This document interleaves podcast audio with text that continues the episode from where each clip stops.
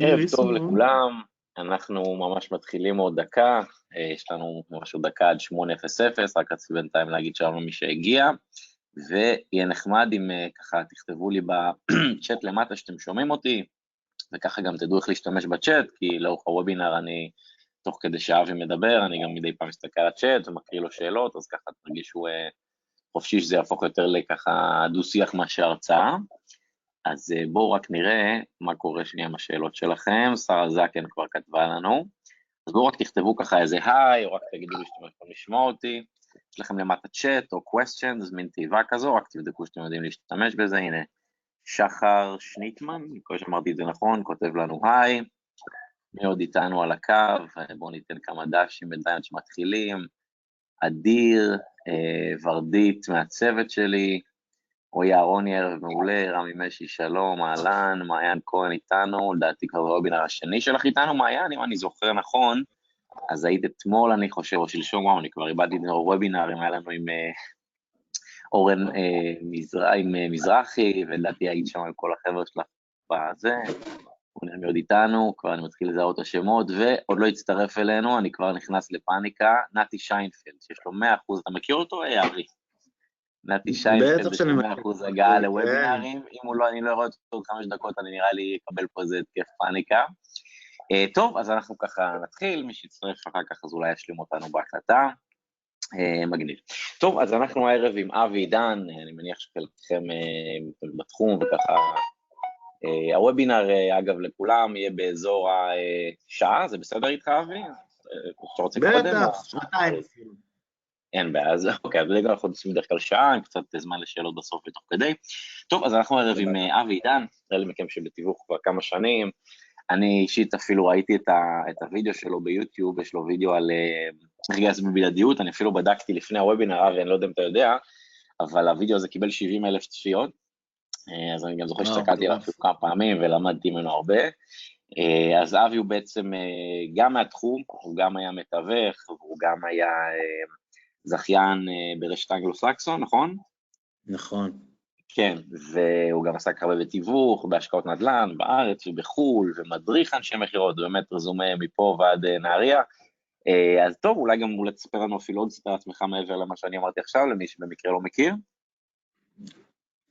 אוקיי, בוא בוא נספר קצת את הרקע שלי, ואז גם תבינו אוקיי. מאיפה הוא מגיע, וגם תוכלו לנצל את זה כדי לשאול אותי שאלות. אז בעיקרון, כן.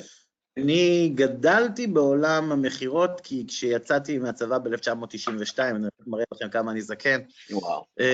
אמ, לא זקן, אתה ניסן חיים. כן, אז חיפשתי מה אני, מה אני הולך לעשות כדי לממן לימודים וכאלה, אתה יודע, רק אה, התחלתי את כן. החיים. היו שתי אופציות, אופציה אחת הייתה למלצר, כמו שהרבה אנשים עשו, לי לא ככה, לא כך הסתדר העניין הזה והקואורדינציה עם המגש, חיפשתי משהו אחר, והייתה מודעה דרושים, דרושים תותחים, פנתרים צעירים, חתיכים, הורסים, לעבודת שיווק מעניינת, תעבדו קשה, תביאו הרבה כסף, זה פחות מה שעניין אותי, פחות מה שעניין אותי, ולכן שלחתי קורות חיים, גם כשהייתי סגור על זה שאני צעיר חתיך והורס, אז שלחתי קורות חיים, ועובדה שהתקבלתי, אז כנראה שגם צדקתי. בכל אופן, התחלתי לעבוד בדור טו דור, זו אולי אחת הדרכים הכי אולד פשן של מכירות, ש... ו... וגם הארדקור מכירות, שאתה הולך. לדלתות, דופק עליהן, אף אחד לא מכיר אותך קודם, ואתה מציע את מרכול טרחה. אתה שובע רק של קירבי, אם אני זוכר נכון. עכשיו זהו, ב, ב, בסוף, ההמשך של הגלגול הזה, זה היה קירבי. וקירבי עשיתי שמונה וחצי שנים, וואו. אה, כל תפקיד שיכל להיות בחברה, חוץ מלהיות הבעלים של החברה.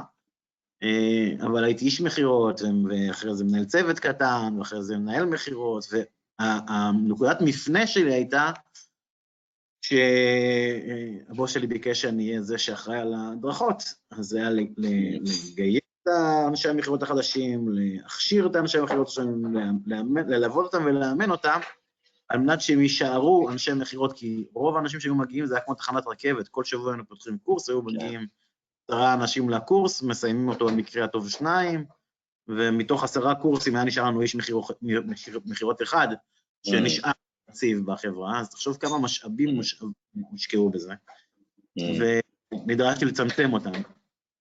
זה שלח אותי, זה שלח אותי למקום שבו נאלצתי בפעם הראשונה ללמוד מכירות. מה הכוונה? אני מכרתי באופן טבעי, אתם יודעים, יש יש את המושג הזה שאומר שנולדים עם זה. או שיש לך את זה או שאין לך. אתה מאמין בזה? אני שמחתי להיות מאלו שנולדים עם זה, כי, כי לא לימדו אותי, אמרו לי, זה המוצר, זה הדלת, סל שלום. וכשביקשו ממני להדריך, פה האינטגריטי שלי היה כזה, שא', להדריך, ללמד את הכישרון שלי אני לא יכול, כי זה כישרון.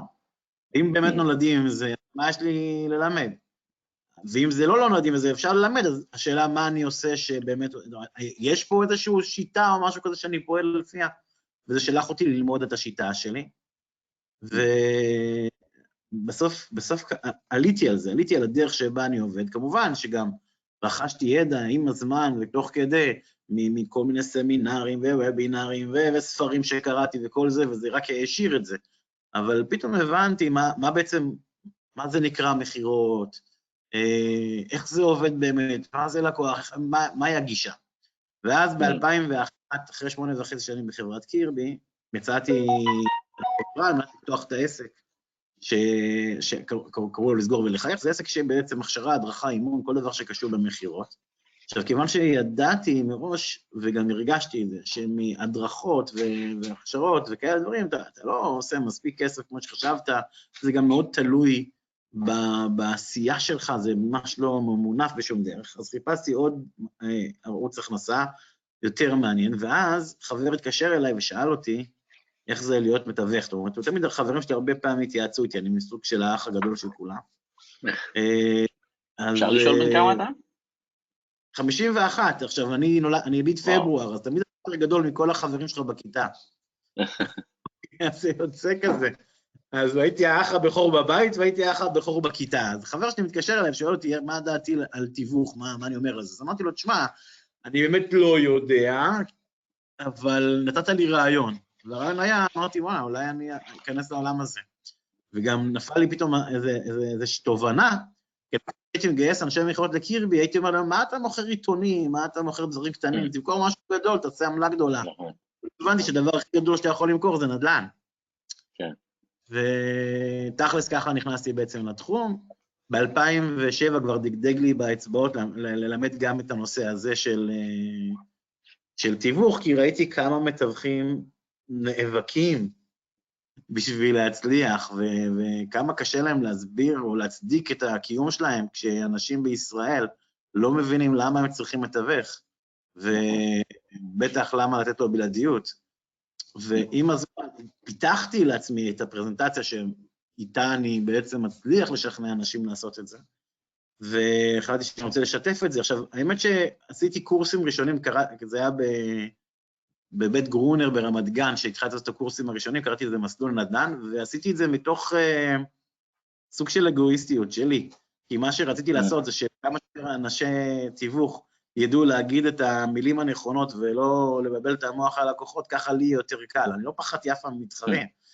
אבל פשוט, אה, אני, אני, לא שאני מאשים, זה לא נקרא, זו מילה קשה להאשים, אבל אני אומר שאחת הסיבות שבגללם הענף הזה של התיווך בישראל נמצא במקום שהוא נמצא ברמת התודעה, לא ברמת המקצועיות, לא ברמת הנכונות, לא ברמת כלום, אבל ברמת התודעה אצל הציבור, אה, שמי צריך בכלל מתווך, ומתווך זה סוג של אה, אה, נטל, ובטח לא לשלם לו, כי משהו שאני לא צריך, אני לא רוצה לשלם, ושלא נדבר על בלעדיות.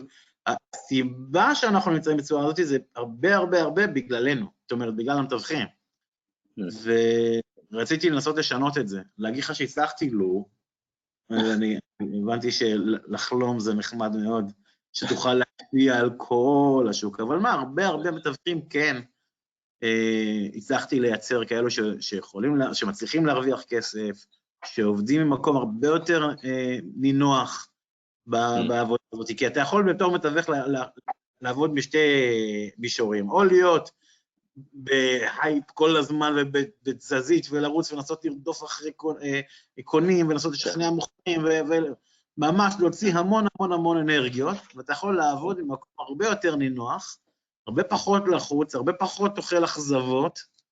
ו... איך מגיעים למקום הזה? אבל התנאי הבסיסי לזה שיהיה לך סחורה שהיא שלך.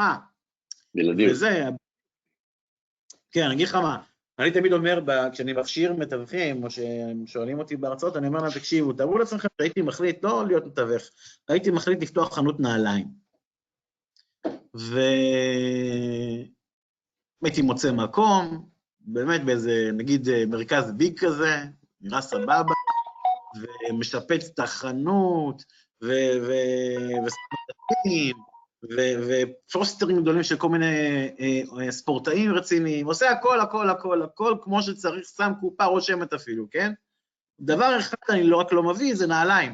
כי אני אומר לעצמי, אני אשתמש עכשיו לייבא.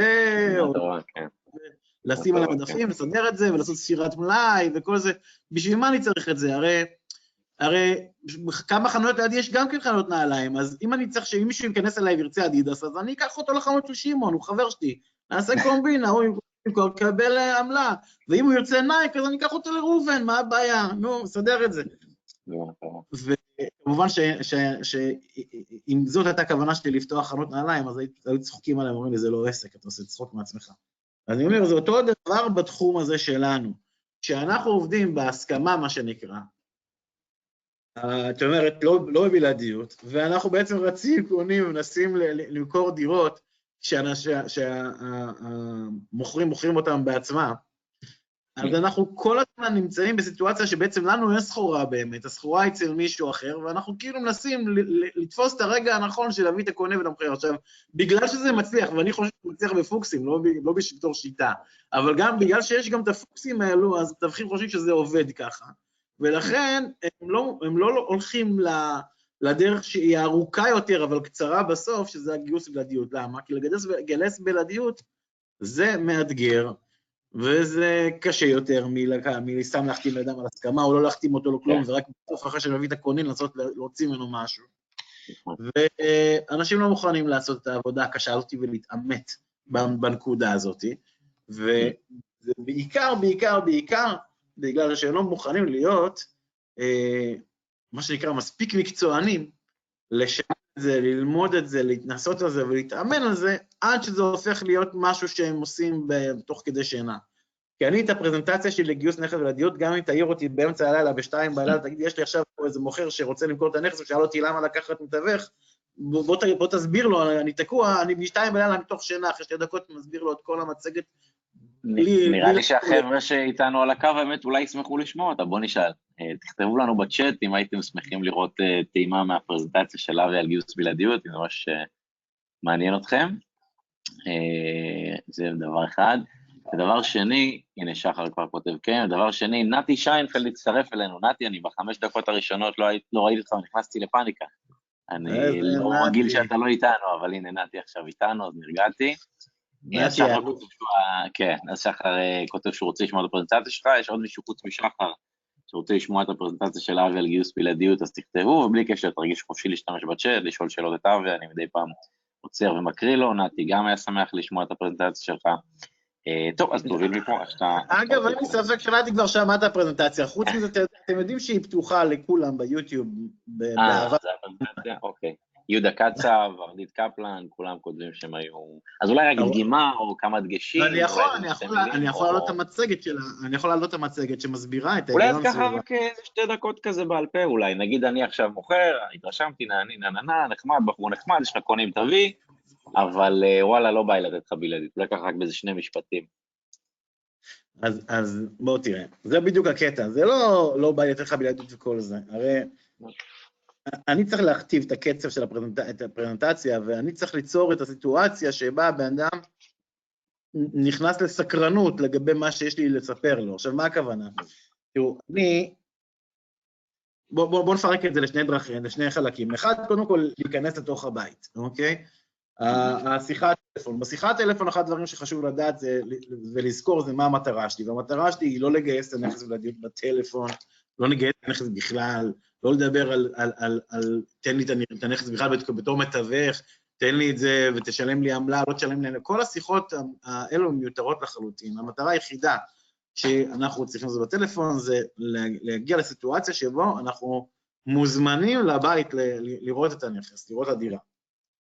ונקסים רק במשפט הזה, במשפט שצריך להוביל לאורך כל שיחת הטלפון זה מתי אני יכול לבוא לראות את הדירה, מתי אני יכול לראות את הדירה, מתי אני יכול לראות את הדירה.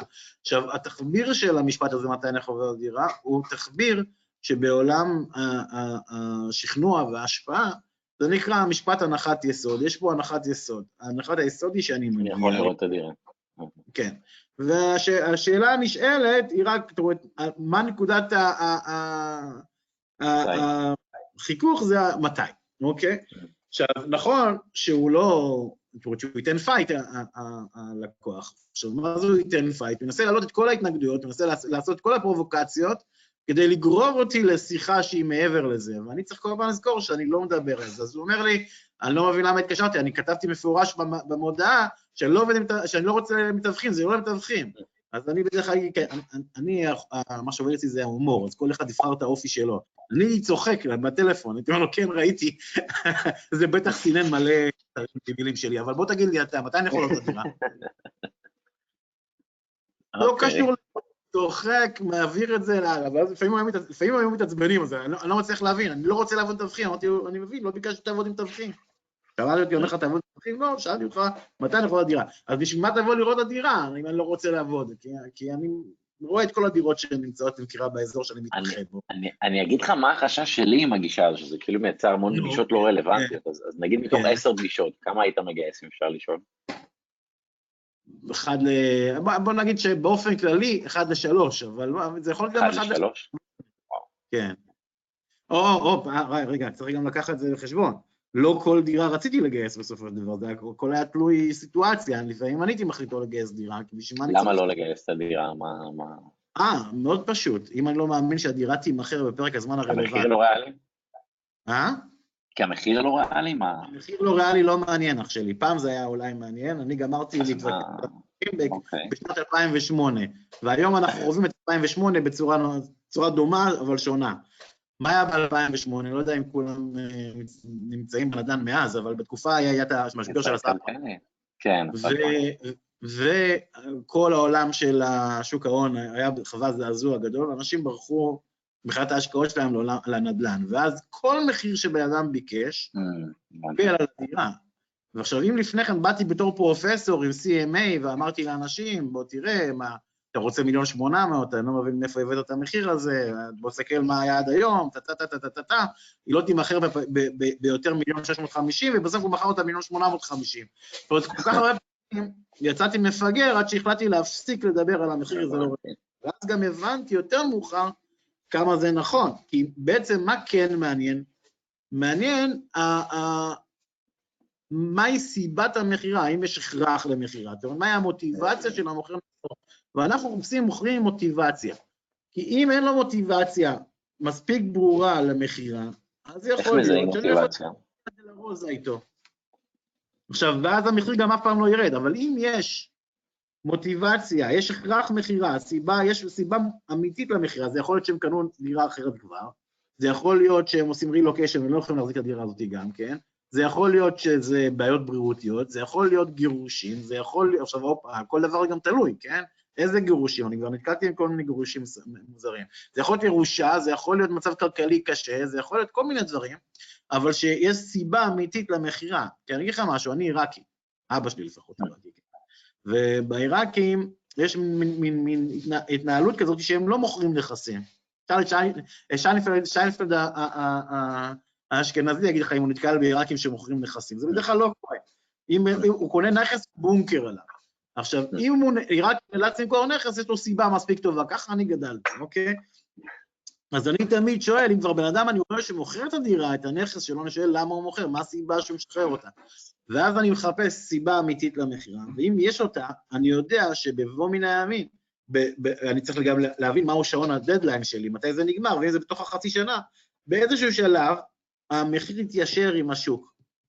Mm. גם אם הוא עכשיו מביא לי איזה מחיר, איזה, איזה, איזה הזיה, זה לא רלוונטי המחיר שהוא קובע בתחילת הדרך, זה, יהיה, זה רלוונטי האם הוא רוצה למכור דירה, צריך למכור דירה, ותוך כדי, תוך כמה זמן זה יקרה, בשביל שאני אהיה שם, בשביל שכשהוא ירצה, ירצה למכור והוא, והוא יצטרך למכור... אז אתה, אתה אומר, כל, כל עיראקי שהעלה מודעה ליד שתיים, אנחנו חייבים לגייס אותו, כי יש, יש לו מוטיבציה, זה בעצם מה שאני הבנתי. זה, זה כמעט בטוח, לא מכיר עיראקי שהם לא סתם. הבנתי. אוקיי, יפה. אז, אה, אז, קודם כל אנחנו מחפשים מוטיבציה, ואז לא אכפת לי באיזה מחיר הוא רוצה. אז, הסיבה למה אה, אני לא אגייס דירה, כי אני רואה שאין מוטיבציה למכירה, אין הכרח מכירה, הוא סתם בא לו לבדוק את השוק, בא לו לנסות, הוא, הוא, הוא חושב שוואלה, כל המחירים עלו, אולי אני אמכור את שלי ואני אקנה איזה פנטהאוז, ואז הוא שכח שגם הפנטהאוז עלה המחיר שלו באותם, במקביל, כן? ואז הוא מהר מאוד מגלה שהוא לא יכול באמת לממש את הפנטזיה שלו. אני, אני גם לא אגייס לדירה אם אני רואה ש... אתה יודע, לפעמים בין שני בני זוג, אתה מצליח לעלות על, איזושה, על איזושהי סיטואציה שאחד מהם באמת רוצה למכור, נגיד האישה, והבעל, הוא, הוא רק לא רוצה לריב איתה, אז הוא משחק אותה שהוא רוצה למכור, אוקיי? ואז זה גם לא רלוונטי, כי תמיד יכבה לך בעסקה, זה לא, זה לא ילך לשום מקום אף פעם. ובקיצור, זה, זה, זה, זה, זה העיקרי. אז אני רוצה להיכנס לנכס, כי שם אני יכול לזהות את הדבר הזה שנקרא מוטיבציה למכירה, ואז אני אחליט אם אני מגייס או לא מגייס. מה, מה אמרת, אבל שזה, תזכיר לי מה אמרת לי שזה, שזה כאילו, מה מרתיע אותך מהגישה הזאת של מתי אני יכול לראות את הדירה? אה, אני, אני, אני באופן אישי די, די חריג בשוק, אני חייב להגיד, אני לא חולק עליך או משהו כזה, אני רק יודע שבאמת כל המשרדי תיווך עובדים ככה. אני באופן אישי, ומכשיר גם את הסוכנים מוכרים שלי, שאנחנו באופן אישי, ושוב, אני לא אומר מה נכון או לא נכון, אבל מה אני חושב, אנחנו עובדים אחרת, כי אני שמתי לב שפשוט הגישה הזו של אני רק בא לראות דירה מייצרת המון המון פגישות סרק, ואנחנו פשוט, אני מביא את הסוכנים שלי ואת עצמי ליכולת מכירה מאוד מאוד גבוהה בטלפון, ואנחנו ממש הגענו למצב שאנחנו פותרים את ההתנגדויות אה, עמלה ובלעדיות בטלפון, וממש רק באים להחתים. יש אפילו דירות שהחתמנו בטלפון, בלי, בלי לראות את המוכר בכלל. אז אני יודע שאנחנו מאוד חריגים בשוק, אני לא רוצה לדעת את הקהל או לחלוק עליך. מה זה חריגים? אני רוצה להגיד לך שאני אבוא להצדיע לך, כי אני, שמבין מה לפחות טענתי עד עכשיו, עד הרגע שאתה אמרת את מה שאמרת, שאני מבין משהו לא, תראה, אני, אני לא חושב שיש פה נכון ולא נכון, אני נטו חושב שזה עניין של סטטיסטיקה ומספרים, אני חושב שאנשים כמוך שהם אה, אולי יותר טובים בפרונטלי מאשר בטלפון, אז עדיף להם הגישה שלך, כי אתה פשוט איש מכירות מאוד חזק בפרונטלי, היה לך שמונה שנים ניסיון בקירבי, אני אישית פשוט יותר חזק בטלפון בפרונטלי, אני לא חושב שפה נכון ולא נכון, אני נטו חושב שכל אחד צריך פשוט לשבת מול המספרים שלו, ולראות איפה הוא מביא יותר תפוקה. מי שמסוגל לסגור כמוך... אתה מגייס דירות בכל הארץ? איך זה עובד? אה, חולון, בת ים, ראשון, תל אביב. כן. אה, יש נכסים שגייסתי בלי לראות אותם, כאילו, 2% פלוס מע"מ בעמלה, חצי שנה בלעדיות, הכל. אחרי זה אני נוסע לראות אותם, מסיר סוכנים, אבל כבר כאילו הטופס חתום בטלפון. אה, אז אני פשוט יותר חזק בטלפון מאשר בפרונטלי, אני נטו חושב שצריך להבין שיש שתי הגישות, ופשוט כל אחד שישב על המספרים שלו. כאילו, אם אתה היית מגייס אחד משלוש בפרונטלי, זה מדהים, כאילו, בליד קר לגמרי, שאמרת לו, אני רק רוצה לבוא, זה מדהים, כאילו, ברור שלך זה עדיף הגישה הזאת. אני חושב שכל אחד צריך פשוט uh, לשבת על המספרים שלו ולראות מה, מה יותר מתאים לו. Um, זה, זה הגישה שלי, שזה כאילו, יש אנשים שהם יותר טובים בטלפון, יש יותר טובים בפרונטלי, וזו הגישה שלי. Um, נטו חושב שזה תלוי סטטיסטיקה, אין, לי, כאילו, זה. זה, זה, זה מעניין, כי אני לא נתקלתי באפשר, אני לפחות לא האמנתי שאפשר למכור בלעדיות, גיוס נכס בלעדיות בטלפון. לא. אני יכול לשלוח לך את אותו שיחה שלי, לראות שהחתמתי. אני אבוא ללמוד, אחי. לא, לא, אני, אני באמת לא חושב שזה עניין של מי יותר טוב או מה יותר טוב, אני נטו חושב שפשוט קיימות שתי האפשרויות האלה, פשוט רוב המתווכים יותר חזקים בפרונטלי, אה. אז פשוט השתרשה התרבות הזו של כאילו לחתור לפגישה ולסגור. אני פשוט מאוד אוהב את הטלפון, כי... מה אתה אומר? אני לא, לא בקטע שלי, אני לא, כשאני אומר את זה, אני אומר את זה בשיא הרצינות ובשיא הענווה שבעולם. גם אני, אגב, אני לא מנסה להגיד כאילו מה יותר טוב, אני פשוט נטו חושב שצריך להיפתח לשתי אפשרויות. אה, אני פשוט מהניסיון שלי, כשאנשים שהם פחות טובים ממך בפרונטלי, אז הם לא סוגרים אחד משלוש, הם סוגרים כאילו אחד משלושים. וה-29 פגישות האחרות בזבזו להם המון זמן, כאילו זה דלק, זה לנסוע, זה להבין את הדירה, בטלפון אתה פשוט, אני יושב עם הסוכנים שלי עם תסריט שיחה כאילו, וטק טק טק, אנחנו מריצים 100-150 שיחות וסוגרים אחד. אז אתה סוגר אחד משלוש, אנחנו סוגרים אחד ממאה. אבל כשאתה על הטלפון אתה יכול להוציא 100 שיחות ביום. כאילו, אז בסוף נטו השאלה היא מה התפוקה שלך. אבל שאתם מצליחים להרים 100 טלפונים ל-100 נכסים למכירה כל כן. יום. כן, מה הבעיה? טלפון זה, אתה יודע, שני חיוגים והוא ניתק. לא, לא, אני לא מדבר על הטלפון, ברור, על אחד הדברים, תראה, מה תמיד אני אומר? שאם הייתה דרך לגייס נכס ולדיות בטלפון, הייתי הראשון שממליץ על זה, למה? כי בטלפון אתה יכול להגיע להרבה יותר אנשים. נכון, אני, אני אישית, אני יודע, אני חושב שאני היחיד בארץ שעושה את זה, והנה אני רואה שנתי כבר כותב פה שהוא ישמח לוובינר שלי על פרזנטציה בטלפון. אני היחיד שאני מכיר בארץ שעושה את זה אגב, אה, היחיד, ואני פשוט, אתה יודע, מגייס נכסים בטלפון, נכסים שגייסתי, אני עד היום לא מכיר את הבעל בית. כאילו, הנה, אתה רואה, אז תבין, זה, להיות מקצוענים זה, זה אבי עידן ונתי שיינפלד. עכשיו, שאומרים לך, ניר, אם אנחנו שומעים על משהו בתחום שלנו, שאנחנו לא חזקים בו, אנחנו רוצים להיות הראשונים שנל, שנלמד את זה. נתי, תכתוב שם אם אני צודק או לא צודק. לא, אבל אני כן רוצה להגיד שאני לא חושב שאני, שמה שאני אומר הוא יותר נכון ממה שמישהו אחר אומר, אני פשוט חושב שיש את שתי האפשרויות, וכל אחד צריך לשבת עם עצמו ולהבין אם הוא יותר טוב בטלפון או בפרונטלי. כי מישהו כמוך, אם אני הייתי מלמד אותו, אני הייתי מקלקל אותו.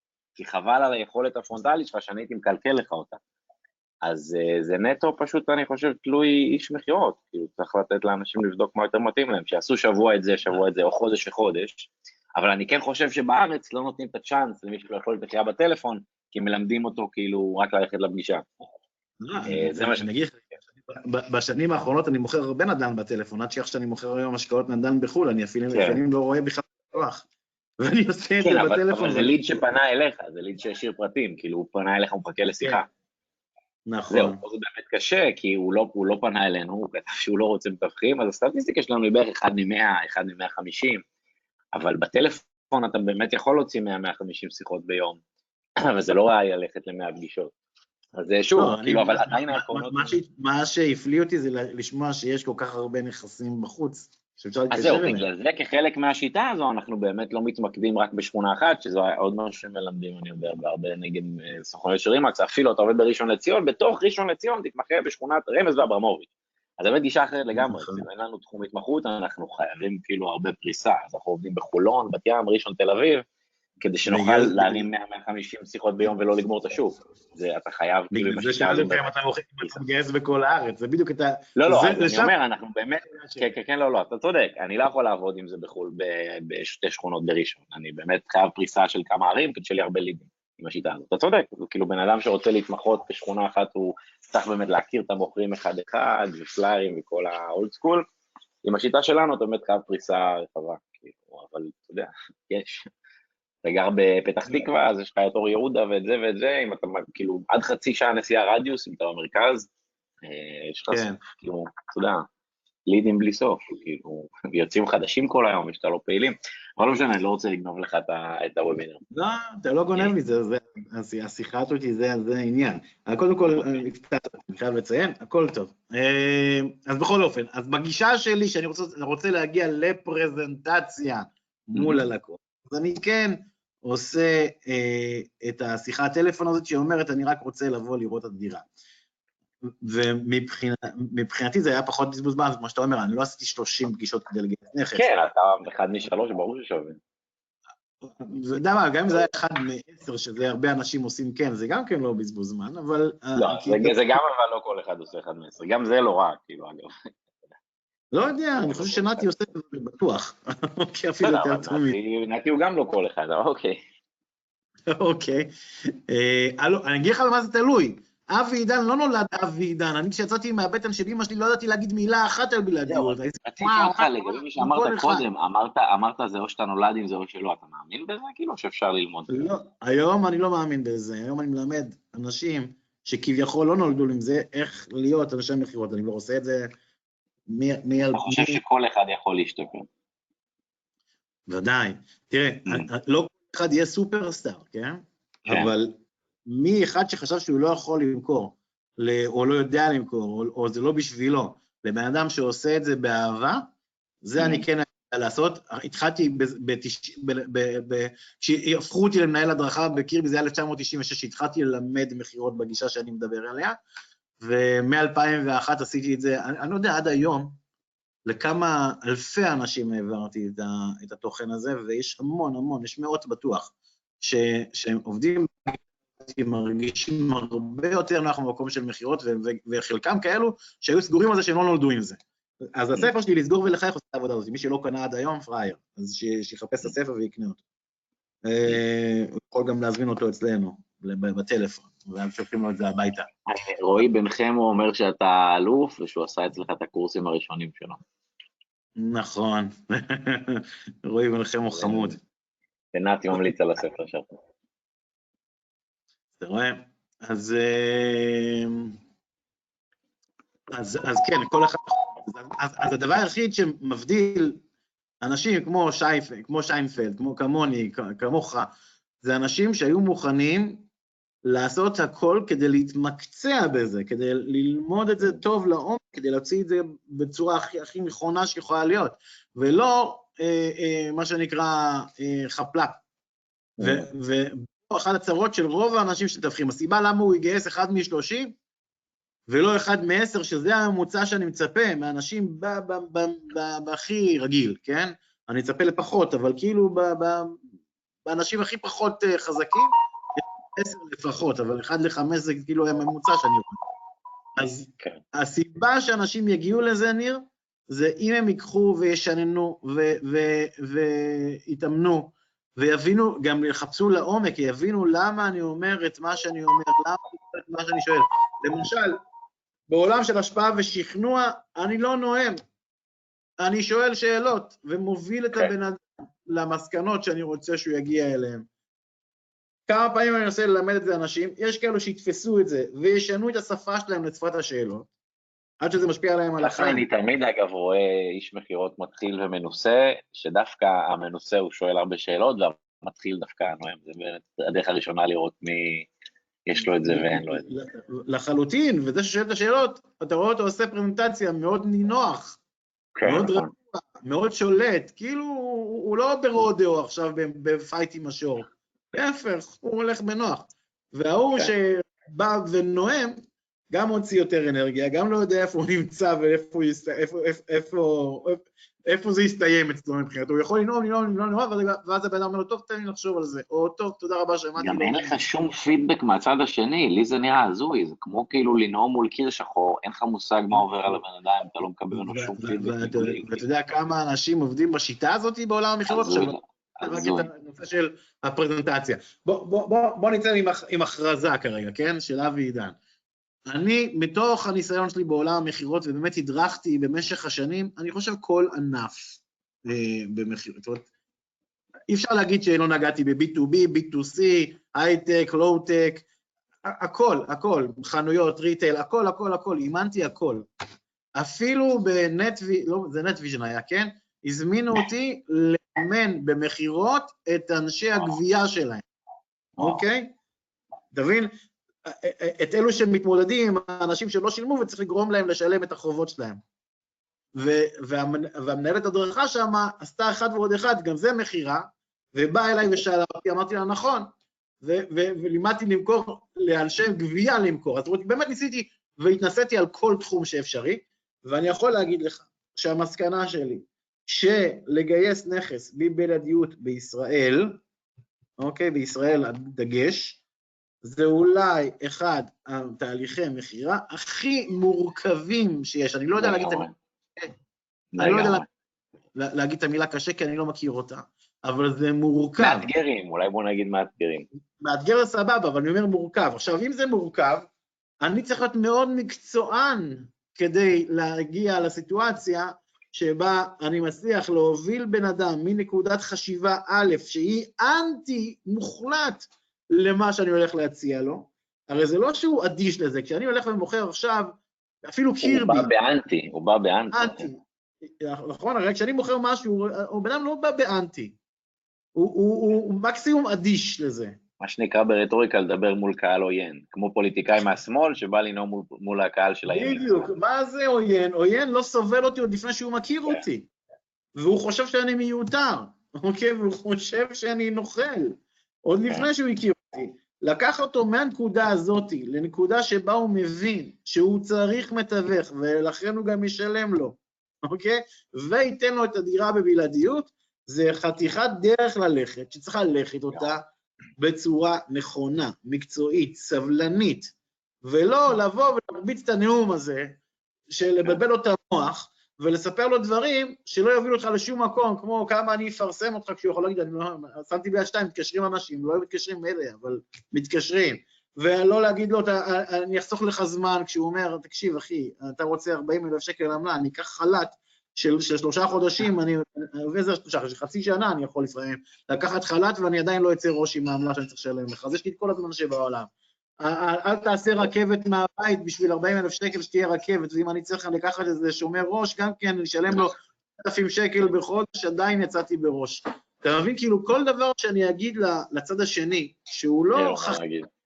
שהוא לא משנה את החשיבה שלו, שהוא לא שם אותו באיזושהי פינה של, וואלה, לא חשבתי על זה, וואלה, לא... כן.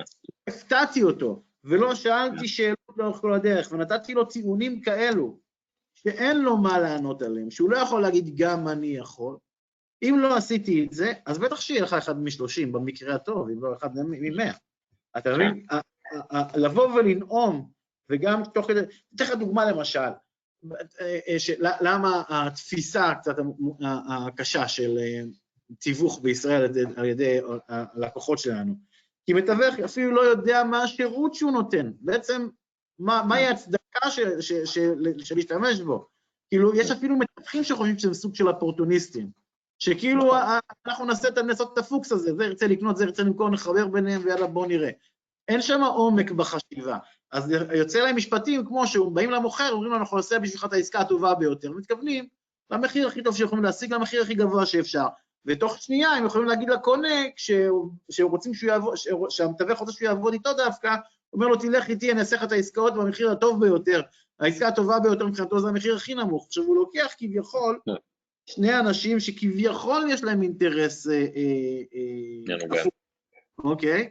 ואם הוא אומר את לזה אני אשיג לך את המחיר הגבוה ביותר, וזה אני אשיג לך את המחיר הנמוך ביותר, אתה מבין שהוא חייב להיות נוכל פר אקסלנס, אם נדבר ספציפית על אותה דירה גם כן. כן. עכשיו, אומרים לי, רגע, אבל את זה אני אומר לקונים, ואת זה אני אומר למוכרים, למה שהוא יחשוב שאני נוכל? אני אומר להם, תגיד, כי המוכרים שלך, הם אה, לא בדיוק הולכים לגור במערות אחרי שהם מוכרים את הדירה, הם, הם מחפשים דירה בעצמם, אז הם יוצאים מתווכים שאומרים להם את הנאום ההפוך שלך. ואז, רגע, מי, מי מתווך שמשקר? רגע, אתה גם תביא לי קונים, מה, מה אתה אומר לקונים שלך, שאתה תעשה להם עסקה שהם ישלמו יותר? לא, לא הבנתי. אז מה אתה אומר לקונים שלך על הדירה שלי? אתה מבין, זה מכניס אותם לדיסוננס. אז מה הפתרון? כשאני מסביר, מה הפתרון? קודם כל להבין מה השירות שאנחנו נותנים. אז כן, למוכר, התפקיד שלנו זה להוציא בשבילו את העסקה הכי בוננזה שיכולה להיות, כי זה הדבר הכי שמעניין אותו. לא מעניין אותו שום דבר אחר. אוקיי? שתנאי המכירה, זה הרי מכירה, עסקה, המכירה כוללת מספר תנאים, זה מחיר, זמן פינוי, תנאי תשלום, שבקונסטלציה הכוללת של תנאי המכירה והמחיר, זה העסקה הטובה ביותר עבורו. זה מה שהוא מחפש. הקונה, המחיר זה לא חזות הכל, אוקיי? נכון. הוא מחפש פתרון למגורים הבאים שלו, זה קודם כל נקודה, נקודה מאוד משמעותית בחיים שלו כרגע, הדירה הבאה שהוא הולך לעבור אליה, ומה שיושב במרכז קבלת החלטתו זה הדירה, ומה שמשתמע מסביב לדירה. אוקיי, אז יש מסגרת, אפשר למכור לו משהו שהוא נורא היה רוצה, אבל זה לא קשור לתקציב שלו. יש מסגרת, אבל בתוך המסגרת הזאת, מה שבאמת באמת באמת חשוב, זה הדירה עצמה, שזה כולל את הסביבה שלה, את המיקום שלה. אני רק אומר שאם מסתכלים על זה מבחינה לוגית, למוכר יש רק דירה אחת למכור. אז נשאר לו רק לקבל עליה כמה שיותר כסף, אבל לקונה יש בשוק עשרות דירות שהוא יכול לקנות, והדבר שהכי יניע אותו זה לא מה תהיה הדירה הכי זולה, אלא מה הדירה האחת שהוא הכי רוצה, אז באמת השיקולים פה... בדיוק, שהוא הכי דלוק עליה, שהכי מתאימה כן. לו, שהיא הכי עונה לו על כל הדרישות שלו, שהיא הכי חלומית בשבילו. ואז נכון. תקשיב, זה דבר מעניין, בואו תסתכל את ההבנה. קונה עם מוטיבציה, קונה עם מוטיבציה פעם, כן? מוכן לשלם אקסטרה בשביל מה שהוא רוצה. יפה, יהיה מוכן לשלם על הדירה יותר ממה שהוא חושב שהיא שווה. ותאמין לי שהוא יודע מה היא שווה, כי הם, הם, הם, כל כך... מת... הקונים... בדיוק כמו לטוס במחלקת עסקים, והטיסה, אתה תגיע לאותו יעד בדיוק באותו זמן כמו המחלקה הרגילה. אז למה לשלם יותר? אותו דבר. אתה תגיע אותו זמן, אותו מקום. למה אתה משלם יותר? כי אתה רוצה את האקסטרה. נכון, אז, אז, הקונה, אז הקונה הזה יהיה מוכן לשלם יותר על הדירה ממה שהוא חושב שהיא שווה. ואגב, זה תמיד קורה, כי אחרת איך עולים המחירים בשוק? אוקיי? יש, יש את המחיר שוק, אבל מחיר שוק כל הזמן עולה. אז אתה אף פעם לא מוכר במחיר השוק באמת, כן. אוקיי? אז איך אני משיג את העסקה הטובה ביותר למוכר שלי? אז קודם כל, אז קודם כל אתה מבין שאין בעצם אה, אה, בעיה. למוכר אני נותן שירות של אני אשיג לך את העסקה הטובה ביותר, כי המחיר הטוב ביותר, ולקונה אני נותן שירות של אני אשיג לך את הדירה שהכי מתאימה לך, הכי נכונה בשבילך, mm. שהכי תדלק עליה. ואז אין, אין התנגשות. אני יכול למכור את הדירה הספציפית הזאתי במחיר הטוב ביותר למעלה, לקונה הזה שהדירה הזאת היא בול תפורה לו. אז מה אני צריך לחפש? אני צריך לחפש קונה מוטיבציה, שיש לו שני תנאים. אחד, מספיק כסף, מה הכוונה? אם אני מוכר עכשיו דירה שהתקציב שלה, שהמחיר שלה הוא, המחיר שיווק שלה הוא מיליון שמונה מאות, זה מה שהמוכר רוצה, כן? ואני מביא לדירה עכשיו מישהו שהתקציב שלו בקנייה היה מיליון שבע מאות, מיליון שש מאות חמישים, באזור הזה הוא חי. אבל הוא נורא דלוק על הדירה של המיליון שמונה מאות שהראית לו, אבל להביא עוד מאה, מאה חמישים אלף שקל, הוא צריך, צריך לעשות אה, שמיניות באוויר ולחפש הלוואות מסבתא, אני לא יודע מה. אחד כזה יהיה קשה במשא ומתן, לא בגלל שהוא כזה גאון במשא ומתן, אלא בגלל שאין לו כסף. אין לו. יפה. אז זה לא הבן אדם האידיאלי להביא עכשיו לדירה. עכשיו, זה שיש לו כסף, מספיק, נגיד, אם הדירה היא מיליון שמונה מאות, הוא יכול לקנות במיליון שמונה מאות בכיף, הוא יכול גם מיליון תשע מאות אם הוא רוצה, גם בשני מיליון. אז זה לא הופך אותו לפראייר, הוא לא נכנס עם אה, שלט פראייר אה, מהבהב על המצח, אלא זה אומר שאם הבן אדם הזה, שיש לו מספיק כסף, התנאי השני יתקיים, שהדירה מדליקה אותו, היא מתאימה לו בול, היא עונה לו על כל הצרכים שלו, כל מה שהוא חיפש בדירה נמצא שם, אחד כזה שיש לו גם מספיק כסף וגם דלוק על הדירה, יהיה מוכן לשלם על הדירה יותר ממה שהוא חושב שהיא שווה. ואנחנו מחפשים לקוח כזה לדירה הספציפית. עכשיו, זה לחפש מחט בערימת שחת. זה לא להביא את כל הקונים ו- ולחשוב שכל אחד מהם באמת הוא הלקוח הזה, אלא יש בתוך כמות הקונים שמחפשים דירת ארבעה חדרים בשכונת נווה עמה באיזשהו מקום, יש מספר כאלו שצריך, שאסור לפספס אותם. אם פספסת אותם, אז אתה מוכר עכשיו ללקוחות לא כשירים מבחינתי, רגילים, ואיתם אתה תעשה עסקה רגילה. עכשיו, הרעיון הוא שאם אני כבר הצלחתי לעלות על אחד כזה, זה לא מספיק שהוא ידרוך בתוך הבית בשביל שתהיה עסקה הטובה ביותר. מה הכוונה? וזה המוכר צריך להבין את זה, ואני אומר את זה למוכר. אני תמיד אומר, אני נותן, אני, כשאני עושה את הפרזנטציה, אני אסביר למוכר את הנקודה הזאת, את מי אנחנו מחפשים כדי שיעשה לו את העסקה הטובה ביותר, ואני אומר לו, תגיד לי משהו, זה שהקונה, המוטיבציה, זה שסיפרתי לך עליו, ייכנס לפה, לפה לתוך הבית, אתה חושב שזה מספיק בשביל להוציא ממנו את העסקה הטובה ביותר? אז יש כאלו שמהססים, יש כאלו שאומרים, כן, נו, אז הוא כבר פה, ולא מבינים את הפואנטה, ואז אני אומר לו, בוא נחשוב רגע עוד פעם. כשהוא ייכנס אליך הביתה, אוקיי? הוא ייכנס ויצהיר על זה שהוא הלקוח? זאת אומרת, הוא יבוא ויספר, וואו, איזה בית מדאיג, זה בדיוק מה שחיפשתי, זה, זה עונה לי על כל הצרכים, הוא יראה, יראה התלהבות, או שהוא ישחק אותה אה, רגיל, אפילו לא מתלהב במיוחד, בכוונה, ואם אחד כזה יספר לך שיש לו מספיק כסף, או שהוא גם כן יגיד לך כמו, כמו כולם, תראה, כולנו לחוצים, גם אני, אני צריך לראות איך אני עומד בתקציב, יש לנו גם קצת לשפץ אני צריך, ויש גם את התשלומים לעורכי דין, הוא ידבר איתך כמו בן אדם רגיל, ואז אם אתה לא יודע שזה הוא האחד שלך, אתה תנהל איתו משא ומתן, כמו עם כל אחד אחר, תשחק איתו פוקר, רגיל. ועכשיו פה מי בלופר יותר גדול? אתה לוקח פה הימור. ועכשיו, אם אתה מנהל משא ומתן עם אחד כזה, מהנקודה הזאת שאתה לא מזהה שזה הוא, אז אתה תמיד שואל את עצמך עד כמה אני הולך להתפשר, כי אתה חושב שהוא באמת, אה, צריך להרים אותו. והרעיון הוא שהוא לעולם לא יכול לדעת שנכנס אצלו אחד כזה. להבדיל, מה שקורה זה שאני מגיע עם הלקוח ואני יודע את מי הבאתי. עכשיו, לפעמים גם הקונה לא יודע שהוא כזה, הוא רואה את הדירה, ואתם כמה פעמים קרה לי ראה את הדירה, הוא לא הבין כל כך, כאילו, זאת אומרת, היא בסדר, היא נחמדה, אבל הוא לא הבין למה אני כל כך חושב שהיא מתאימה לו. ואז מתוך ההסבר שלי אליו, הראיתי לו כמה היא מתאימה לו, הסברתי לו את זה מול האלטרנטיבות שלו בשוק, גרמתי לו להתאהב בה, כי, כי הרבה פעמים אנשים יכולים להיכנס ואין להם דמיון לראות מה השינוי הקטן, הקוסמטי שאפשר לעשות בדירה, או אפילו לא הקוסמטי, אבל איך אני יכול להפוך את הדירה הזו לדירת החלומות שלו? והוא הוא, הוא לא תמיד רואה את זה בעצמו, לא כולם יש מספיק דמיון, ולפעמים הם סתם יפספסו בגלל מידע מוטעה שהם קיבלו, או, או, או חסר, שחסר להם עכשיו, והם החליטו לא לקנות את הדירה, למרות שזאת הדירה שמתאימה להם. והמוכר לא יכול לעשות שום דבר בקשר לזה.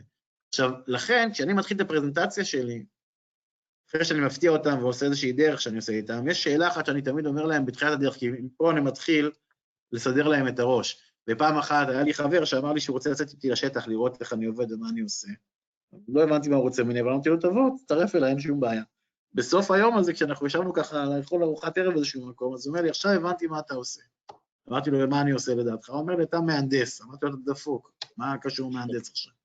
אז הוא אומר לי, לא, אתה מהנדס מוחות. אני ראיתי אותך מהנדס לאנשים, לאנשים היום את הראש. ואז חשבתי על זה, אמרתי, למה אתה צודק? כי בתכלס מה שאני עושה, אני מיישר להם את הראש, מסדר להם אותו, עושה להם ריאורגניזציה בחשיבה. עכשיו, איך אני מתחיל את זה? לפני, לפני שאני מתחיל בכלל לדבר, אני שואל אותם, אני, אני אומר להם כזה דבר, לא שואל אותם, אני אומר להם. אני אומר להם, נגיד זה יוסי ויעל, בסדר? יוסי ויעל, אני רוצה עכשיו, כשאתם יושבים מולי בעשר דקות הקרובות, מה שאני הולך להגיד לכם, ששאלה אחת תעמוד תמיד נגד עיניכם. שימו סימן שאלה מעל הראש, והסימן שאלה הזה, הוא אומר, שאתם שואלים את עצמכם, מה עדיף לכם, לא לי, מה עדיף לכם שיקרה מרגע זה והלאה, כי מה עדיף לי אני כבר יודע. אני רוצה שאתם תחשבו על עצמכם בלבד, מה עדיף לכם שיקרה מרגע זה והלאה, שהלקוח הבא שייכנס אליכם הביתה מהדלת הזאת פה מולי, שהלקוח הבא ייכנס לבד, כמו שהוא עשה עד עכשיו, או שעדיף שהוא ייכנס יחד איתי.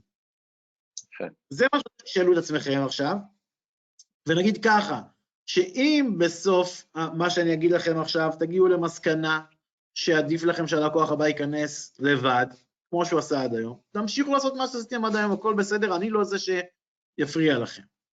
אבל אם תשנו את החשיבה שלכם, תשנו את דעתכם, ואני אומר בכוונה תשנו את דעתכם, כי אני חושב שדעתכם כרגע היא שאתם לא צריכים מתווך ועדיף שהוא ייכנס לבד, זה בסדר גמור, אבל אם תשנו את דעתכם, אז אנחנו כנראה נעבוד ביחד, נכון? ובדרך כלל הם אומרים לי כן. אז מה עשיתי? בתחילת הפרזנטציה כבר סימנתי את היעד בסוף. אני רק צריך להביא אותם לסיטואציה שבה הם אומרים לי בסוף, כשאני שואל את השאלה, אתם זוכרים את השאלה הראשונה שאלנו, מה עדיף לכם שיקרה מיום, מהרגע זה והלאה? שהלקוח הבא ייכנס לבד או ייכנס איתי, מה החלטתם? מה עדיף שיקרה מבחינתכם כדי להשיג את התוצאה הטובה ביותר? ואם אומרים לי בסוף, טוב, נו, הבנו, עדיף שהוא ייכנס איתך, אתה מבין שזה 90 אחוז מהפתרון. עכשיו נשאר לי רק לשכנע אותם למה לקחת רק מתווך אחד, אבל הם די בכיס שלי כבר בשלב הזה. אז אני סימנתי את היעד אליו אני הולך להגיע, סידרתי להם את הקו חשיבה, מה הם צריכים לחשוב, ואני עכשיו על כל הדרך מוכיח להם. זה מה שקורה כשהוא נכנס לבד, זה מה שקורה כשהוא מגיע איתי. זה מה שקורה כשהוא נכנס לבד, זה מה שקורה כשהוא מגיע איתי. וכל פעם אני מראה להם איך זה, איך כשהוא נכנס לבד זה לא משרת את האינטרס שלהם להשיג את העסקה הטובה ביותר, וכשהוא נכנס איתי זה כן משרת. עכשיו, תחשוב שאם הגעתי לכל, לסוף הפרזנטציה והם לא העיפו אותי מהדלת קודם, ובסוף הפרזנטציה הם גם אמרו שעדיף שהלקוח הבא שייכנס, ייכנס איתי, אז גם זה סוגר להם את ההתנגדות, שיש הרבה פעמים כאלה שאני שומע ממתווכים שהם שומעים, שאומר, אז תן לי שבועיים לצאת לבד, תן לי חודש לצאת לבד, ואם אני לא אצליח להתקשר אליך, כי זה... כי אם הוא הגיע למסקנה שהלקוח הבא שייכנס, עדיף שהוא ייכנס איתי, אז זה לא רלוונטי. עוד שבועיים, עוד חודשיים, עוד... כאילו אתה בעצם אומר לו שגם קונה שהוא היה יכול להשיג לבד, עדיין היה עדיף לו שהקונה שהוא משיג לבד יגיע איתך, זה בעצם מה שאתה אומר. זה מה שקורה, זה, זה שם אני מביא אותו, שעדיף לו שכל כן. קונה, שכל קונה שייכנס אליו הביתה יגיע איתי, כי אני אוציא לו, בעזרת הפוזיציה שלי, והידע שלי איך לעשות את זה נכון מבחינת העבודה עם הקונה, לסיטואציה שבה מהקונה הספציפי הזה, הוא יוציא עסקה הרבה יותר טובה ממה שהוא ישיג כשהוא מייצג את עצמו. עכשיו, אותי, הוא לא יצליח לשכנע בשום פנים ואופן, באף דרך, שהוא יכול לעשות עסקה טובה יותר ממה שאני, מה מה שאני אעשה עבורו אם אני זה שינהל את העסקה. לא ישכנע. וזה גם עוד דבר מאוד חשוב. הרבה פעמים מתווכים לא מצליחים לגייס דירות, כי הם בעצמם לא חמושים בביטחון הזה באמונה הזאת ובהחלטיות הזאת. אני החלטי בעניין הזה, לא יעזור כלום. איזה סיפור שהוא יספר לי, על איזה הצלחה שהוא עשה במכירה, אני עדיין סובר שאם הייתי, אני מנהל את העסקה, הייתי משיג לו עסקה טובה יותר, נקודה. למה ככה? חשוב לבוא מהמקום הזה, מהמקום החזק הזה. עכשיו, אם, ועכשיו, זה מה שקורה, הרבה פעמים כשאני פוגש מתווכים, זו השאלה שמעניינים את עצמם. אבל איך אני יודע שאני באמת מסוגל לעשות את העסקה הטובה ביותר? מי אמר שזה? הם בעצמם לא מבינים למה הם כן. אה, יכולים לעשות, לעשות את התוצאה הטובה ביותר. צריך אותם באמת. אם, אני תמיד שואל אנשים שהם באים לקורס תיווך, אני אומר להם, או שאפילו מתווכים כבר כמה שנים במשרדים, ואני רואה שהמשרד הזה לא מגייס יותר מדי בלעדיות. אני שואל, תגידו לי את האמת, אם עכשיו הייתה לכם דודה, אחות, אח, או, או, או, או לא יודע מי, קרוב אליכם שאתם מאוד מאוד אוהבים, שגר באזור כפר ורדים, האם אתם תגידו לו, ואתם נמצאים בכלל בחולון, האם אתם תגידו לו, את הדירה שלך שאתה עכשיו רוצה למכור, כי הוא מתקשר להתייעץ לכם, כי הוא יודע שאתם יועצי נדל"ן, את הדירה שאתה רוצה למכור תיתן לנתי שיינפלד, או, או, או שאתה אומר, תגידו, ובבלעדיות, או שתמכור את זה לבד. זאת אומרת, מה אתם תמליצו לקרוב משפחה שלכם, למכור את הנכס לבד, או לתת לתווך בלעדיות? ותתפלא, ניר, דבר מדהים. באחוזים גבוהים, אנשים אומרים לי שהם לא ממליצים להם לקחת את לא בלעדיות. אתה יודע גם מה הכי מצחיק אותי, שלפעמים אני מתקשר לקונה ביד שתיים, למוכר ביד שתיים, והוא אומר לי, אה, אני גם הייתי פעם מתווך. אה, אני פעם הייתי זכיין, היה לי משרד תיווך. אני אומר לו, נו, אז אתה רוצה לשווק את הדירה? הוא אומר לי, לא, אני לא נותן בלעדיות. זאת אומרת שהוא לפני עשר שנים מכר מוצר שהוא לא מאמין בו. בדיוק. אז, אז, מה, אז מה צריך לעשות לכל אלו שרוצים לגייס נכס בדיוק בטירוף? א', להבין מה הם עושים, להבין באמת מה היתרונות שלהם כמתווכים, ולמה זה רק צריך להיות בלעדיות, להבין עד רמה, לפרק את זה לגורמים, למולקולות, להבין את זה עד הסוף, להאמין שזה המצב, והכי עדיף למוכר זה לקחת מתווך בבלעדיות, ככה שאם אימא שלהם הייתה צריכה למכור דירה, הוא היה אומר, לקחי מתווך בבלעדיות, אוקיי? רק אז הוא, הוא מספיק חמוש בשביל לצאת לחוצה ולהתמודד עם כל, ה, אה, כל ההתנגדויות וכל הלקוחות הטיעונים האלו שאנחנו פוגשים בחוץ. בלי זה, זה קשה, אין ספק, ואז אנשים נשברים. ואז הם הופכים להיות ספרי קונים, ואז הם רצים כמו כלבים מורעלים בחוץ לחפש את העסקה, אתה מבין? במקום בנוחות למכור את, את המאגר דירות שיש לך. זה, זה כל כך עולם אחר לגמרי, כשאתה עובד עם מאגר הנכסים שלך בבלעדיות, שאתה מוכר אותו, לעומת שאתה מתרוצץ כמו משוגע כדי לנסות למכור דירות לקונים ורץ וכל פעם מתאכזב. אתה יודע, אתה מכיר את אה, ישראל קטורזה, נכון, ניר? כן. אז ישראל קטורזה, אני לא יודע אם אתה יודע, אשתו מתווכת. אני אפילו חושב שאני שומע, אני זוכר את זה מההרצאה שלך, כן, אני זוכר ששמרת את זה, כן, אבל תמשיך. כן, אז פעם אחת הוא פגש אותי בכנס של אה, אנגלו-סקסון שהיינו שם, באחד הכנסים, אז הוא אומר לי, בואנה, לכם יש מקצוע, מה זה עצוב? אתה יודע, יש את המקצועות האלה, כן. עצוב. אמרתי לו, למה, מה עצוב? אז הוא אומר לי, אתה יודע, הולכים לישון בלילה שמחים כמו בבוקר, פתאום בבוקר עצובים.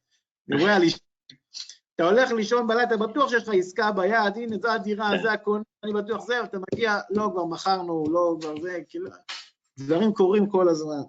זה כן. הזיה. וכשאתה, כשאתה במצב שיש לך מאגר נכסים בלעדיות, איך אתה, איך אתה, אתה חשיבה אז כמה, כשהיית מתווך, אז כמה נכסים היו לך בבלעדיות? תראה, הסטטיסטיקה שלי אמרה שאם אתה מחזיק בערך 16 נכסים בלעדיות באופן קבוע אצלך במאגר, אז יש לך שתי עסקאות בחודש לפחות. עכשיו, תלוי, אתה שואל אותי כמה לי היה, לי את המשרד. אה? כשהיית סוכן עצמאי, היה לך כל הזמן 16 באוויר? כן, בהתחלה, כשאני התחלתי לעבוד, לא עבדתי עם מישהו שידע בכלל לגייס נכסים בלעדיות, אני צריך ללמוד את זה תוך כדי. וכשהגעתי למצב ששלטתי בזה, לא עבדתי אחרת, אז היו לי כל הזמן 10, 15, 12, כל הזמן באזור הזה דירות, כל הזמן, כל הזמן. התמקדת בעיר אחת? איפה עבדת? הייתי גרתי באלעד. אה, ושם גייסת? רק שם? רק, רק, כן, בעיר שלי. כל, עכשיו, אלעד זה כמו שכונה בכל מקום, כן? זה... זה כל... כל... כמו להיות המתווך היחיד בקיסריה כזה. כן, כן, אולי זה קצת יותר גדול מקיסריה, כי יש 7,000 בתי אב. היה 7,000 בתי אב. זה לא חיפה, תל אביב, ראשון אשדוד. לא, ממש לא. כמו לשלוט, ומה, היית המתווך היחיד שם, או איך זה עובד? מה אתה אומר? היית המתווך היחיד באלעד? אני לא יודע כמה מתווכים יש באלעד. לא, ממש לא, היו 15, משהו כזה. ואתה היית בפער, כאילו, עם יותר נכסים מהם? אני חושב שהייתי בין הבודדים, אם לא היחיד, שהיו נכנסים. כשהבנתי את זה, כי אף אחד לא עבד פה, כולם עבדו פה שכונה. זה אה, מה שקרה לי. כש- זה, מה שקרה לי כשהגעתי לקריית גת, למשל. כשהגעתי לקריית גת, ופתחתי שם את המשרד, אז uh, הייתה סיטואציה שהיו שם מלא מלא מתווכים, אבל כאלו מתווכי בית, שלא... לא מדבר איתך על בלעדיות, גם המלאי הם לא ידעו לקחת, הם עושים עמלות של 3,000 ו-5,000 שקל וכאלה. והיה צריך לחנך את כל העיר בכלל להבין מה זה בלעדיות, ולמה צריך לשלם 2% פלוס מע"מ והכל. אבל גייסתי חבר'ה צעירים, לימדתי אותם את הפרזנטציה כמו שצריך. חבר'ה שלא נגעו בנדל"ן, לא היו מתווכים אף פעם, והיה צריך לראות כמה הם גייסו, זה היה, זה היה טירוף. עכשיו, בהתחלה גייסנו את כל העיר, למרות שבעיקרון בגישה הנכונה אתה לא מגייס כל נכס, Mm. אוקיי? כי, כי זה מיותר. אתה רוצה למכור רק נכסים, אתה רוצה לגייס נכסים שאתה תמכור אותם. אבל אני רציתי לחנוק את המתווכים האחרים בעיר, שלא יהיה להם נכסים Mm. חוץ ממה ש... שיבואו אליי. אז, אז, אז מצד אחד זה עשה את העבודה הזאת, והגעתי לסיטואציה שאצלי במשרד בקריית גת, סביב החדר ישיבות, ישבו 15 מתווכים, או בסדר גודל, כמות גדולה של מתווכים אה, כאלו שהיו עובדים אה, אה, עצמאית כזה מהבית, וביקשו לעבוד איתי בשיתוף פעולה, ונתתי להם את התנאים. והתנאים היו שהם היו באים אליי, והייתי עושה להם ישיבות צוות, הייתי ללמד אותם לגייס נכסים בלעדיות. רק מי שמגייס נכסים בלעדיות יכול לעבוד איתנו בשיתוף פעולה, רק מי שיודע לגבות אה, עמלה של 100% פלוס מע"מ, משתף איתם פעולה. הכתבתי להם את העבודה, למרות שהם לא היו סוכנים שלי בכלל. נגיד היה לך סוכן חדש, כמה זמן היה לוקח לך, בוא נגיד, להכשיר אותו עד שהוא ידע לגייס, עד שהוא ידע לתפקד, מה כאילו ה timeline של הכשרת סוכן חדש, שאתה... תראה, אני הייתי נותן לו חודש. ראשון רק בכלל, אני הייתי נותן לו חודש ראשון רק בשביל ללמוד מה זה נדל"ן, ללמוד את האזור שלו, ללכת לראות נכסים, לראות מחירים, לדבר עם הכל, בכלל לא לנסות לגייס. בחודש השני הוא, הוא היה נכנס לעולם של להתחיל לגייס, אבל בכלל הוא לא מגייס לבד, הוא מגייס איתי או עם מישהו אחר ש- שיודע לעשות את הגיוסים. בחודש השלישי כבר היה יודע לעשות את זה כבר יותר בקלות, זה בערך טיים. אתה אומר ששלושה חודשים עד שהוא כבר יכול לגייס לבד, זה- העלות. אבל כבר יש לו נכסים בשלושה חודשים האלו, כי, הוא יצא איתי, כן, לא, אבל. הוא יכול לגייס לבד אחרי שלושה חודשים, זה מה שאתה מצפה ממנו. בביטחון מלא, כן. אה, אה, אבל אני רוצה להגיד שהיו כאלו שגייסו השבועות הראשונים. הרבה פעמים. זה מאוד תלוי בבן אדם. אוקיי. אה, טוב, אנחנו באמת לקראת אה, סיום הוובינר, מי שיתרשם ממך ואולי רוצה איכשהו לעבוד איתך או לקבל ייעוץ, יש- יש איזה כיוון כזה או... תראה, אז, אז אני לא, אתה- כמו שאתה יודע, אני לא מתפרנס מ, מ, כן. מאימון והדרכות וכאלה דברים, אני מת, מתפרנס מנדל"ן, אבל. אני כן אוהב לאמן, להדריך, ללוות ולייעץ, אז אני עושה את זה כש, שזה מסתדר. אז תמיד. מוזמנים לפנות אליי, ול, ולרצות, ולקבוע פגישת אימון, בדרך כלל זה, זה שעתיים לפחות, אוקיי? כי בתוך? שעה, אף זה יכול להיות בזום, זה יכול להיות פרונטלי, זה מה שאיך שזה, איך שזה מסתדר. ובכיף, אפשר להתייעץ, אפשר להתאמן. אה, יש הרבה הרבה מתווכים שבאו אליי רק בשביל הקטע שאני אלמד אותם לעשות את הפרזנטציה, אני מסביר להם את המוח של הפרזנטציה, זאת אומרת, מה, מה, מה, למה אני אומר את מה שאני אומר, למה אני שואל את מה אני שואל, למה אני עושה את המהלך שאני עושה, לאורך כל הדרך, זה לא רק ללמוד כמו תוכי את הפרזנטציה, וראיתי שכשללמוד כמו תוכי, יש אנשים שעושים את זה גם ביוטיוב. לומדים כמו תוכי, אבל כיוון שאין להם את השכל של מאחורי זה, אז הם לא יודעים איך להשתמש בזה, ורסטיליים עם זה. אז, Mm. אז לפעמים זה קשה להם. אז ברגע שהבן אדם מבין למה אני אומר את מה שאני אומר, למה אני שואל את מה שאני שואל, לאן אני רוצה להוביל את הלקוח, ומה משמש אותי כל משפט, אז פתאום הם מרגישים הרבה יותר ביטחון, ויודעים גם לעשות את זה, לאמץ את זה לעצמם, לא רק לחזור כמו תוכי על הפרזנטציה. אז יש כאלה שצריכים להציג את זה, למפגש, שני מפגשים, תלוי מה הם צריכים, וזהו. אוקיי, אז אה, לגבי זה, מי שרוצה עוד פרטים, או ליצור קשר עם אבי, יכול לרשום לי בצ'אט, או לשלוח אליי מייל אחר כך ואני אחבר ביניכם. יש לנו עוד כמה דקות אחרונות, מי שרוצה עוד אה, שאלה לאבי, אז מוזמנים לרשום בצ'אט ואני אקריא לו. יהודה קצב כותב לך, תותח, תבוא לכרמיאל. היית שם פעם? בהרצאה? אם אני אבוא לכרמיאל, זה מה שיהודה מבקש. להרצות להם לא- בלסע בכרמיאל. להרצות למשרד, כן. בדרך כלל שלוש שעות, אני בא, עושה, אני לא אכפת לי לנסוע. משלמים לי על זה יפה, אז לי בעיה. ונתי כותב שהוא זוכר שהיה כנס הגדול של מתווכים שבאת להרצות, שהיו 200 מתווכים, ואז אמרת, לפני שאני מתחיל, אני מבקש שכל מי שיושב כאן, כל הקהל מתווכים, שירים את היד. אם הוא יצטרך למכור את הבית שלו, האם הוא ייתן את הבית שלו בידי למתווך, ורק שבעה אנשים, כל נתי ירימו את היד. אה, אז אתה אמרת שכל מי שלא ירים את היד ולא עומד בלעדיות, הוא גם לא יצליח לגייס נכסים ולא יצליח למקצוע הזה. אז כן, זוכרים אותך. נכון. אה, אז יש לנו עוד שתי דקות אחרונות. אמרתי לך, אני שואל את זה מתווכים ואני בשוק מהתשובה. כן, אה, לגמרי. תראה, אני, אגב, שוב פעם, אני אומר פעם האחרונה, מי שרוצה, יש לנו עוד שתי דקות אחרונות, הזדמנות לרשום בצ'אט שאלות לאבי. לגבי מה שאמרת, ואני חושב שזה בשתי רמות, אחד ברמת ה mindset, קודם כל, כאילו, להאמין במוצר שאתה נותן, וב' זה ברמה הפרקטית, נכון. של באמת לתת ערך מוסף שהוא דרמטי, שיצדיק את זה. אני נגיד, יש לי database שאין להרבה אנשים, בטח של לקונים והרבה אנשים, יש לי database של 1,500 אס.אם.אסים ו-600 מיילים, שברגע שאנחנו מגייסים דירה, יש לי מיד database לשלוח אותה אליו, וקבוצות של מאות מתווכים שאתם כולם בתים בראשון, אז אני גם מאמין, כאילו ברמת ה mindset, וגם בפועל באמת יש לי ערך מוסף שאין לבעל הנכס עצמו או למתווכים אחרים, אז זה לא רק אמונה עיוורת, אני באמת כאילו יודע שיש לי, כאילו, I can deliver. אה, אז אני גם נכון, מאמין, נכון, וגם לא בפועל יש לי על מה. זה לא סתם, תראה, זה לא, לא להיות פנאט, אנחנו לא מאמינים סתם, אנחנו מאמינים בגלל שאנחנו סומכים על המקצועיות שלנו, בגלל שאנחנו יודעים מה אנחנו הולכים לעשות, אנחנו מבינים את השירות שלנו, ואנחנו באמת מבינים שאנחנו יכולים to deliver את, את, את הדבר הזה.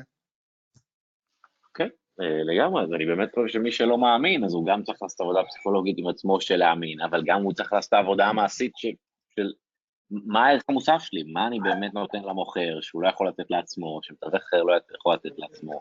ושבאמת ימצא ערך מוסף נכון. פרקטי, ושגם יהיה לו במה להאמין, כאילו, אנשים, לא יודע, יש מתווכים שאין להם אתר אינטרנט, שהם לא לקחו קורסים, שהם לא זמינים בטלפון, אז גם בצדק הם לא מאמינים בעצמם, כי הם יודעים שהם לא, כאילו, אתה יודע, אז הם באמת גם צריכים לעשות את העבודה הפרקטית הזו שלהם מה להאמין.